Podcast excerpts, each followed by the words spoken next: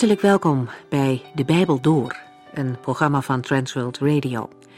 De Bijbel Door is een radioserie die u in vijf jaar meeneemt door de hele Bijbel. Van Genesis 1 tot Openbaring 22.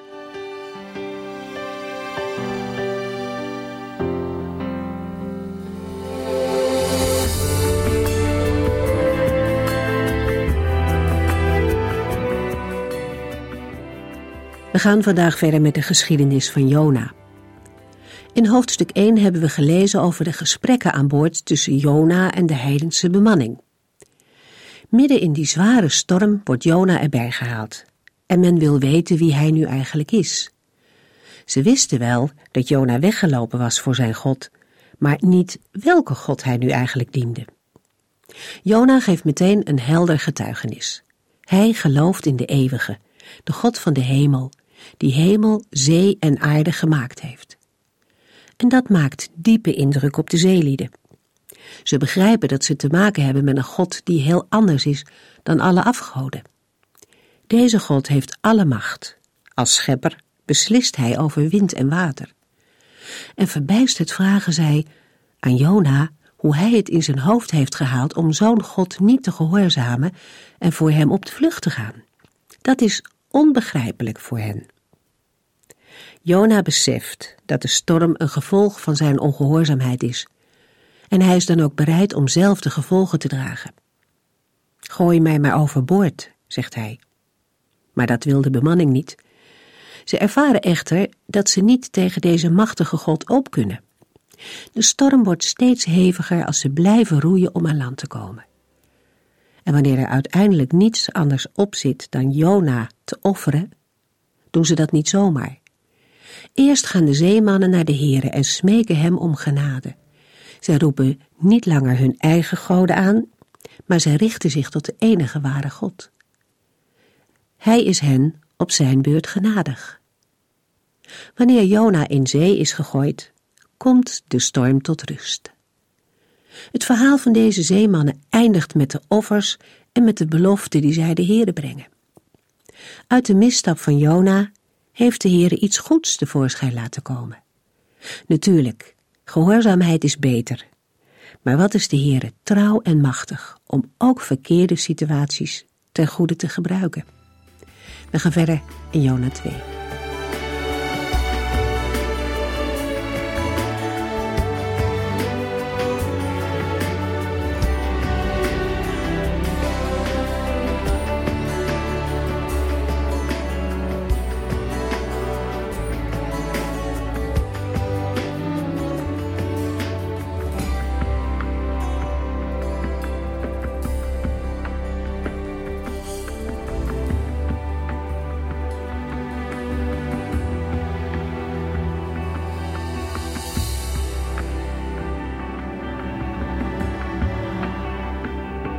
Het slot van Jona 1 hebben wij gezien hoe Jona overeenkomstig zijn eigen voorstel overboord is gegooid door de bemanning van het schip dat op weg was naar Tarsus. Voor een onbevangen lezer die het vervolg niet kent, kan dat niets anders betekenen dan het einde van de profeet Jona, die op zijn eigen gekozen weg steeds verder afraakte van de Here. De verschijning van de grote vis verandert daar op zichzelf niets aan. Of Jona nu verdrinkt in de diepte van de zee, of dat hij een ellendige dood sterft in de maag van een grote vis, maakt uiteindelijk niet veel verschil. Allebei betekende het einde van het leven van Jona. Dat heeft Jona zelf in eerste instantie ook gedacht. Hij heeft het benauwd gehad toen hij in het water lag waar de golven over hem heen sloegen en het water hem naar de diepte trok. Iemand die in volle zee overboord is geslagen of schipbreuk heeft geleden, kan u vertellen hoe herkenbaar de woorden zijn waarmee Jona zijn situatie tekent. Het is een situatie van wanhoop. Je hele leven flitst als een film aan je voorbij. Je beseft, nu moet ik sterven. Het is een situatie die we ook in een van de liederen van David terugvinden. Bijvoorbeeld in Psalm 143, vers 4 en 5. Ik weet mij geen raad meer en ben zo verschrikkelijk bang. Ik denk aan vroeger en aan wat u toen allemaal deed. Alles wat u hebt gedaan en gemaakt trekt aan mijn geestesoog voorbij. Voor de profeet Jona is het in de buik van de vis niet anders geweest. Voor zijn eigen besef hoorde Jona al bij de doden. We merken het uit de woorden en de beelden die hij in Jona 2 gebruikt. In vers 2 ziet hij zichzelf als begraven. Jona zegt: Ik riep vanuit de diepte van de dood en u hoorde mij, heren. In vers 5 spreekt Jona over de golven. Hij zegt: Ik verdween onder de golven en zag de dood in de ogen. In vers 6 vinden wij het beeld van het graf dat gesloten is, als Jona zegt: Ik was voor altijd van het leven afgesloten en zat als een gevangene in het land van de dood. Maar de laatste woorden van hoofdstuk 1 hebben toch verwachting gewekt. Wij lazen er: Jona bleef drie dagen en drie nachten in die vis. Maar wat gebeurde er daarna? Want die laatste woorden hebben toch in zich: dit is niet het einde. Er is een vervolg, een weg die verder gaat, namelijk na drie dagen en drie nachten. En zo is het ook. Want in Jona 2 vers 1 lezen wij: Vanuit de vis bad Jona toen tot de Heere. De weg van de Heere met Jona gaat niet alleen verder, er komt een ommekeer. De weg die afdaalde naar de dood loopt weer omhoog, want Jona bidt vanuit de vis, vanuit het graf, de dood en het verderf.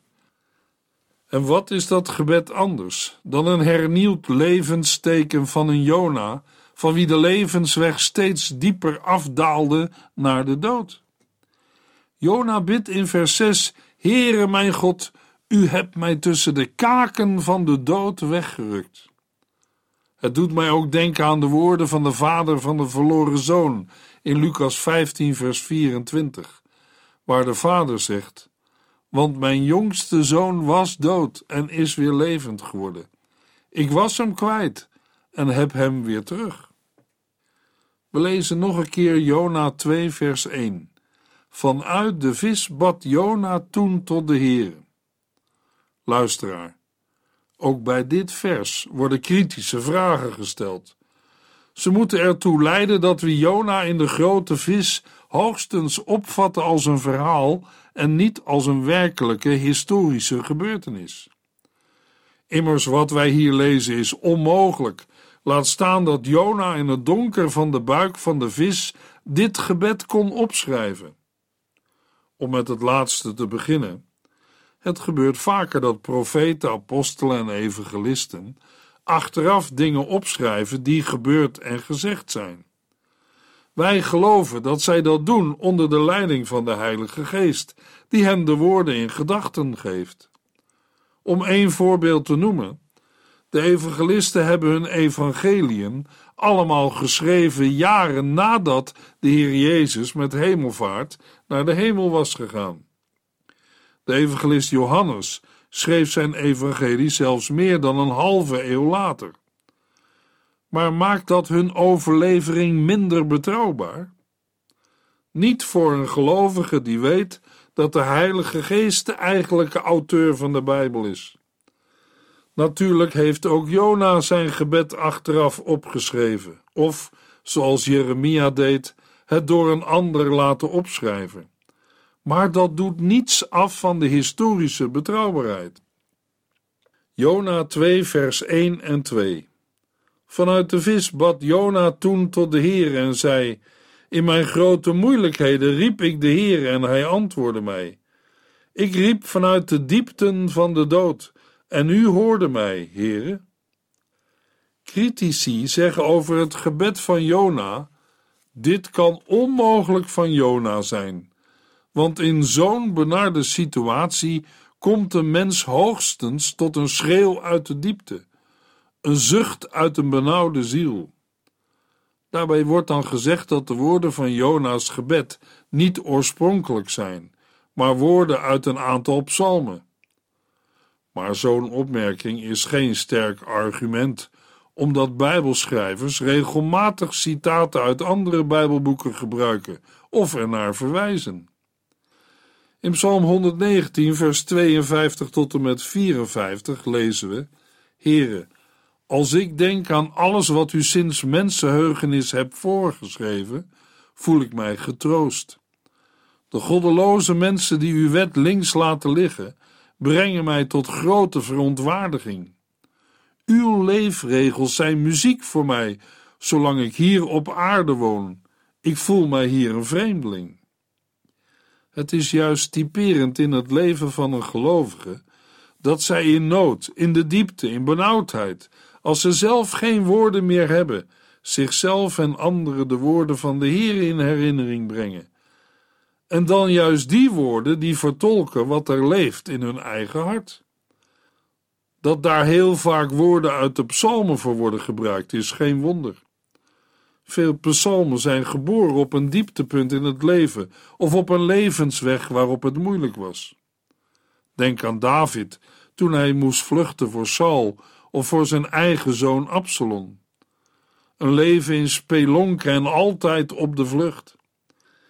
De Heer Jezus, die meer is dan Jona, deed hetzelfde in de diepste benauwdheid van Gethsemane en de zwaarste duisternis van Golgotha. Vele gelovigen kennen de woorden van Psalm 23 uit hun hoofd. Ze geven moed en steun, als ook vertrouwen om aan de hand van de Heere, zelfs door een donker dal te gaan. Zulke bijzondere Bijbelwoorden gaan een leven mee en geven troost ook bij het heengaan en verlies van dierbaren. Vanuit de vis bad Jona toen tot de Heere. Dat is bewijs van zijn terugkeer naar de Heere. Het is vooral een bewijs dat God Jona niet heeft losgelaten. In de Hebreeuwse tekst lezen we dat Jona bad tot de Heere zijn God. De Heere is trouw aan zijn eigen werk en hij is nog altijd de God van Jona.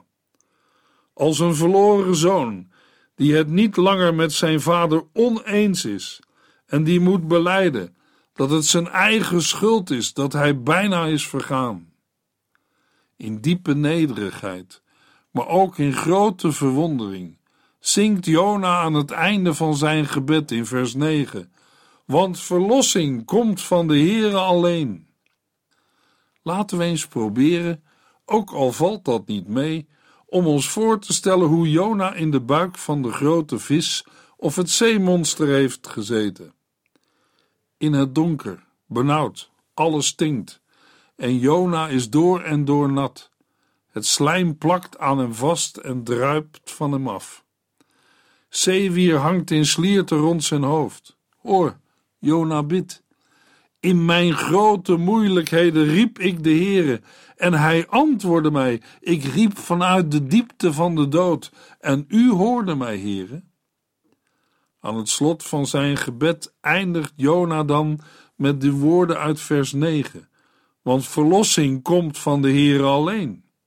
Die uitroep heeft dezelfde inhoud als het lied van de scharen die niemand tellen kan, uit Openbaring 7, vers 10. Zij riepen luid: Onze redding komt van onze God, die op de troon zit en van het Lam. Bij Jona, maar ook bij ons, is het nu nog een gebroken lied.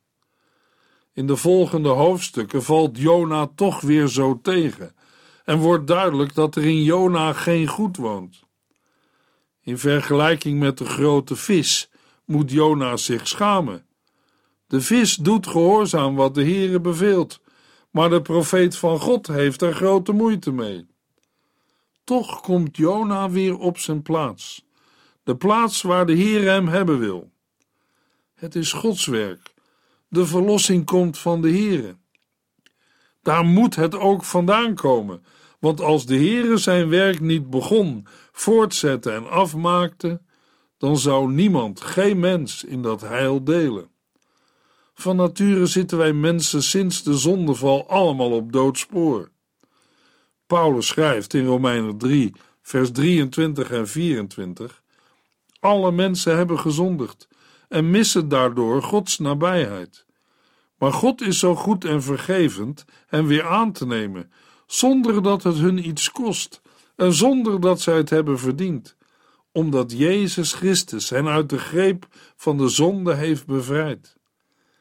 Ik hoop en bid dat ook u en jij instemt met de belijdenis, want verlossing komt van de Heer alleen.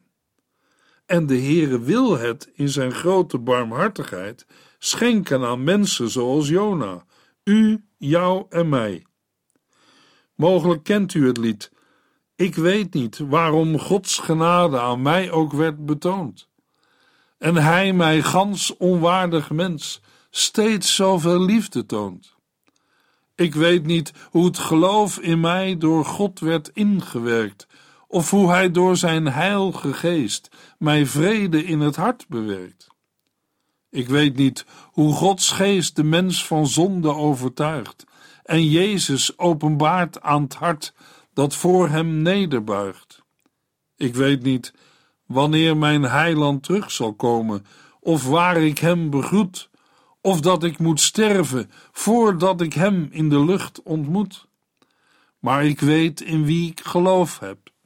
Ik ben verzekerd, mijn Heer is machtig, dat hij het pand hem toevertrouwt, tot die dag bewaart voor mij.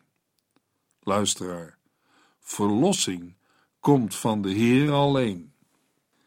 Jona 2, vers 3 U wierp mij in de diepe zee ik ging onder in het kolkende water en werd bedekt door uw wilde en woeste golven.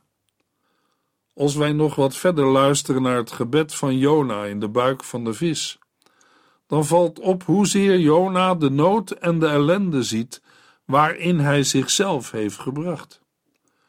Jona verontschuldigt zich niet meer. In vers 2 geeft hij toe in grote moeilijkheden te zijn. Daarnaast beleidt Jona dat de Heer hem hoort en hem antwoordt. De versen 3 tot en met 6 omschrijven de nood waarin Jona verkeerde. Niet alleen in de buik van de grote vis, maar van het ogenblik af dat hij in zee was geworpen. Jona weet dat de Heer erachter zit, en dat maakt zijn nood en moeilijkheden nog groter. In het kolkende water en de wilde en woeste golven ziet Jona de hand van de Heere. De woorden doen denken aan Psalm 42, vers 8b, waar we in de Hebreeuwse tekst lezen: Al uw baren en golven zijn over mij heen gegaan. Uit het Nieuwe Testament weten wij dat de enige over wie werkelijk al Gods baren en golven van Gods toorn zijn heen gegaan, de Heer Jezus Christus is. Toen hij aan het kruis moest roepen: Mijn God, mijn God, waarom hebt u mij verlaten? Dat was opdat wij mensen nimmer van God verlaten behoeven te zijn. Daar is de heiland gebukt onder onze schuld, onder de toorn van God gaan staan, en heeft hij gezegd: Vader, straf mij maar in plaats van deze mensen. Op grond van zijn verzoeningswerk geldt nu dat al wie de naam van de Heere aanroept behouden zal worden. Dat is het evangelie van Jezus Christus. Jona 2 vers 4 Toen zei ik, och Heere, u hebt mij de rug toegekeerd en mij weggejaagd. Zal ik uw heilige tempel ooit nog terugzien?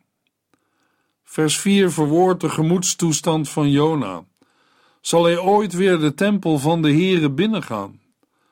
De woorden uit vers 4 doen samen met vers 3 aan Psalm 32, vers 23 denken, waar we lezen: Terwijl ik in mijn angst dacht dat u mij vergeten was, hebt u juist mijn luide smeekbeden gehoord. U hoorde mij om hulp roepen.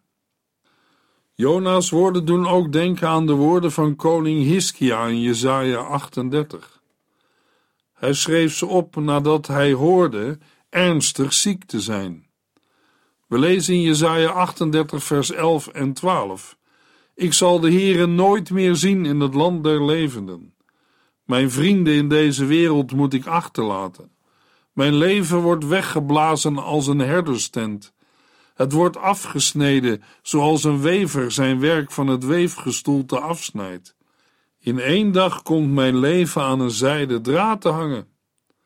Het is bijzonder dat we in Jona 2 de profeet tweemaal in zijn gebed horen spreken over de tempel van de Heer in Jeruzalem.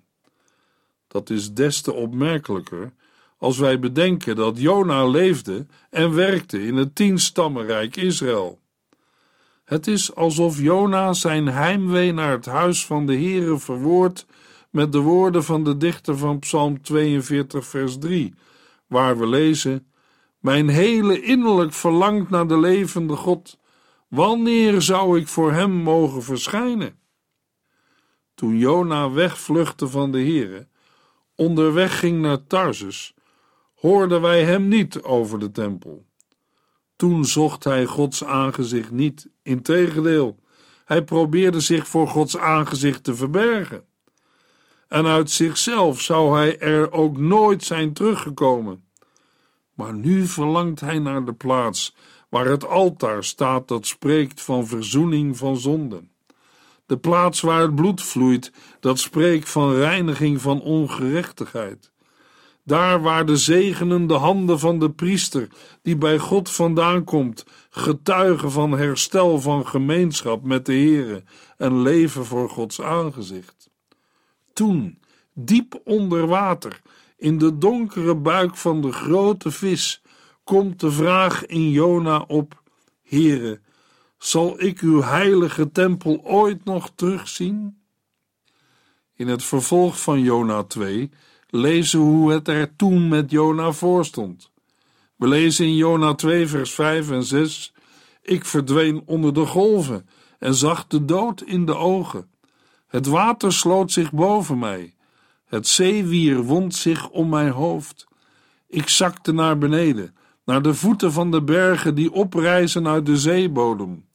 Ik was voor altijd van het leven afgesloten en zat als een gevangene in het land van de dood. De versen 5 en 6 geven weer een algemene beschrijving van heel het verblijf van Jona nadat hij door de bemanning overboord was gegooid. De woorden doen denken aan het gebed van David om redding in Psalm 69, vers 2 en 3. Verlos mij, o God, want het water is tot aan de ziel gekomen. Ik ben gezonken in bodemloze modder, waarin men niet kan staan. Ik ben gekomen in de waterdiepten en de vloed overspoelt mij. Met hun woorden geven Jona en David hun verlorenheid en uitzichtloosheid aan. In Jona 2, vers 6 wordt dat beeld verder beschreven. Dat Jona zo treffend onder woorden brengt hoe hij zich in de buik van de grote vis voelde, is ook een aanwijzing dat Jona inderdaad de Heere kent, zoals hij in Jona 4, vers 2 heeft verwoord. Door zijn eigen ellende voor zich te zien en te erkennen, wordt de genade en barmhartigheid van de Heere steeds groter. Juist in die barmhartigheid van de Heere ligt voor Jona de grond van de zekerheid dat zijn gebed wordt verhoord. In de Hebreeuwse tekst van vers 4 staat een woordje dat ons dit heel duidelijk maakt. Eerst zegt Jona dat hij weet hoe de zaken er voor hem bij de Heere voorstaan. Verstoten ben ik van voor uw ogen. Maar dan lezen we in de Hebreeuwse tekst: Toch zal ik opnieuw aanschouwen uw heilige tempel. In de vertaling van het boek zijn deze woorden een vraag geworden. Daarmee wordt de geloofsuitspraak van Jona niet duidelijk.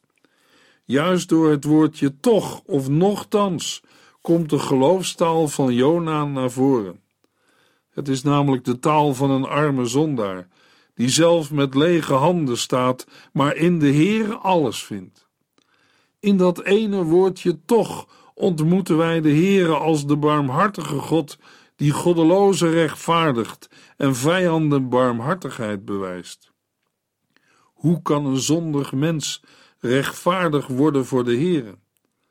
De Bijbel laat zien alleen door een waar geloof in Jezus Christus. En al is het dat mijn geweten mij aanklaagt, dat ik tegen al de geboden van de Heer heb gezondigd, en nog steeds tot alle boosheid ben geneigd, dan mag ik toch weten rechtvaardig voor God te zijn op grond van de volkomen genoegdoening, gerechtigheid en heiligheid van Christus, die mij uit genade wordt geschonken en toegerekend, en dat zonder dat ik het heb verdiend, en louter en alleen door Gods genade. Om dat heil te verwerven, is Christus afgedaald in het hart van de aarde, zoals Jona drie dagen en drie nachten in de buik van de vis is geweest. Hij droeg de straf van God onder welke Jona en ook wij zonder Christus eeuwig hadden moeten verzinken. Daarom lezen we aan het slot van vers 6 de belijdenis van Jona. Maar, mijn God, u hebt mij tussen de kaken van de dood weggerukt. Deze woorden zijn het geheim van de geestelijke rijkdom die de Heer in Christus wil schenken. Jona heeft de Heere weer teruggevonden. Beter gezegd, de Heere heeft Jona niet losgelaten. In de buik van de vis heeft Jona zijn God teruggekregen. Daarom juicht Jona, zoals enkele decennia later ook Habakkuk zal juichen. We lezen het in Habakkuk 3, vers 17 tot en met 19. Al zou de vijgenboom niet bloeien en de wijnstok geen druiven opleveren, al zou de oogst van de olijfboom teleurstellen en de akker geen voedsel geven, al zouden alle schapen uit de schaapskooien verdwenen zijn en geen runderen meer in de stal staan, toch zal ik mij verheugen in de Heere en juichen over God die mij redt. De oppermachtige Heere is mijn kracht. Hij maakt mij lichtvoetig als een hert en brengt mij veilig over de bergen. Luisteraar, kunt u dat lied door Gods genade al meezingen? Mogelijk op uw reis door de woestijn van het leven, door de golven die u overspoelen, of een reis door een donkere nacht. Als een verloren zoon of dochter die terugkomt bij de hemelse Vader die op u wacht. U mag om Christus wil in zijn armen vallen. In de volgende uitzending lezen we Jona 2 vers 7 tot en met 3 vers 2.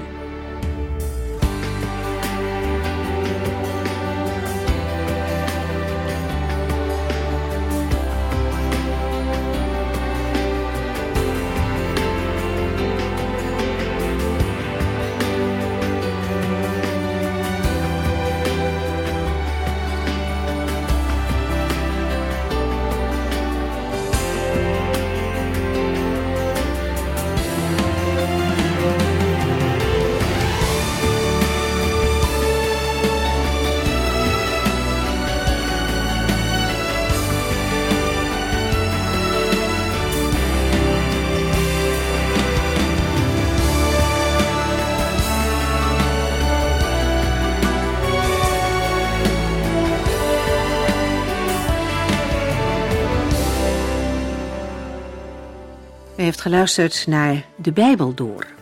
In het Nederlands vertaald en bewerkt door Transworld Radio. Een programma waarin we in vijf jaar tijd de hele Bijbel doorgaan. Als u wilt reageren op deze uitzending of u heeft vragen, dan kunt u contact met ons opnemen. Tijdens kantooruren kunt u bellen op 0342 47 8432. 0342 47 8432. 32. Ook kunt u een e-mail sturen naar de Bijbel door transworldradio.nl en natuurlijk kunt u ook via de post ons bereiken. TWR, postbus 371, postcode 3770, AJ in Barneveld. Dit programma werd gepresenteerd door Corweda en Ike André. Techniek was in handen van Odin van Woerdenkom. En namens ons allemaal bedanken we u van harte voor het luisteren.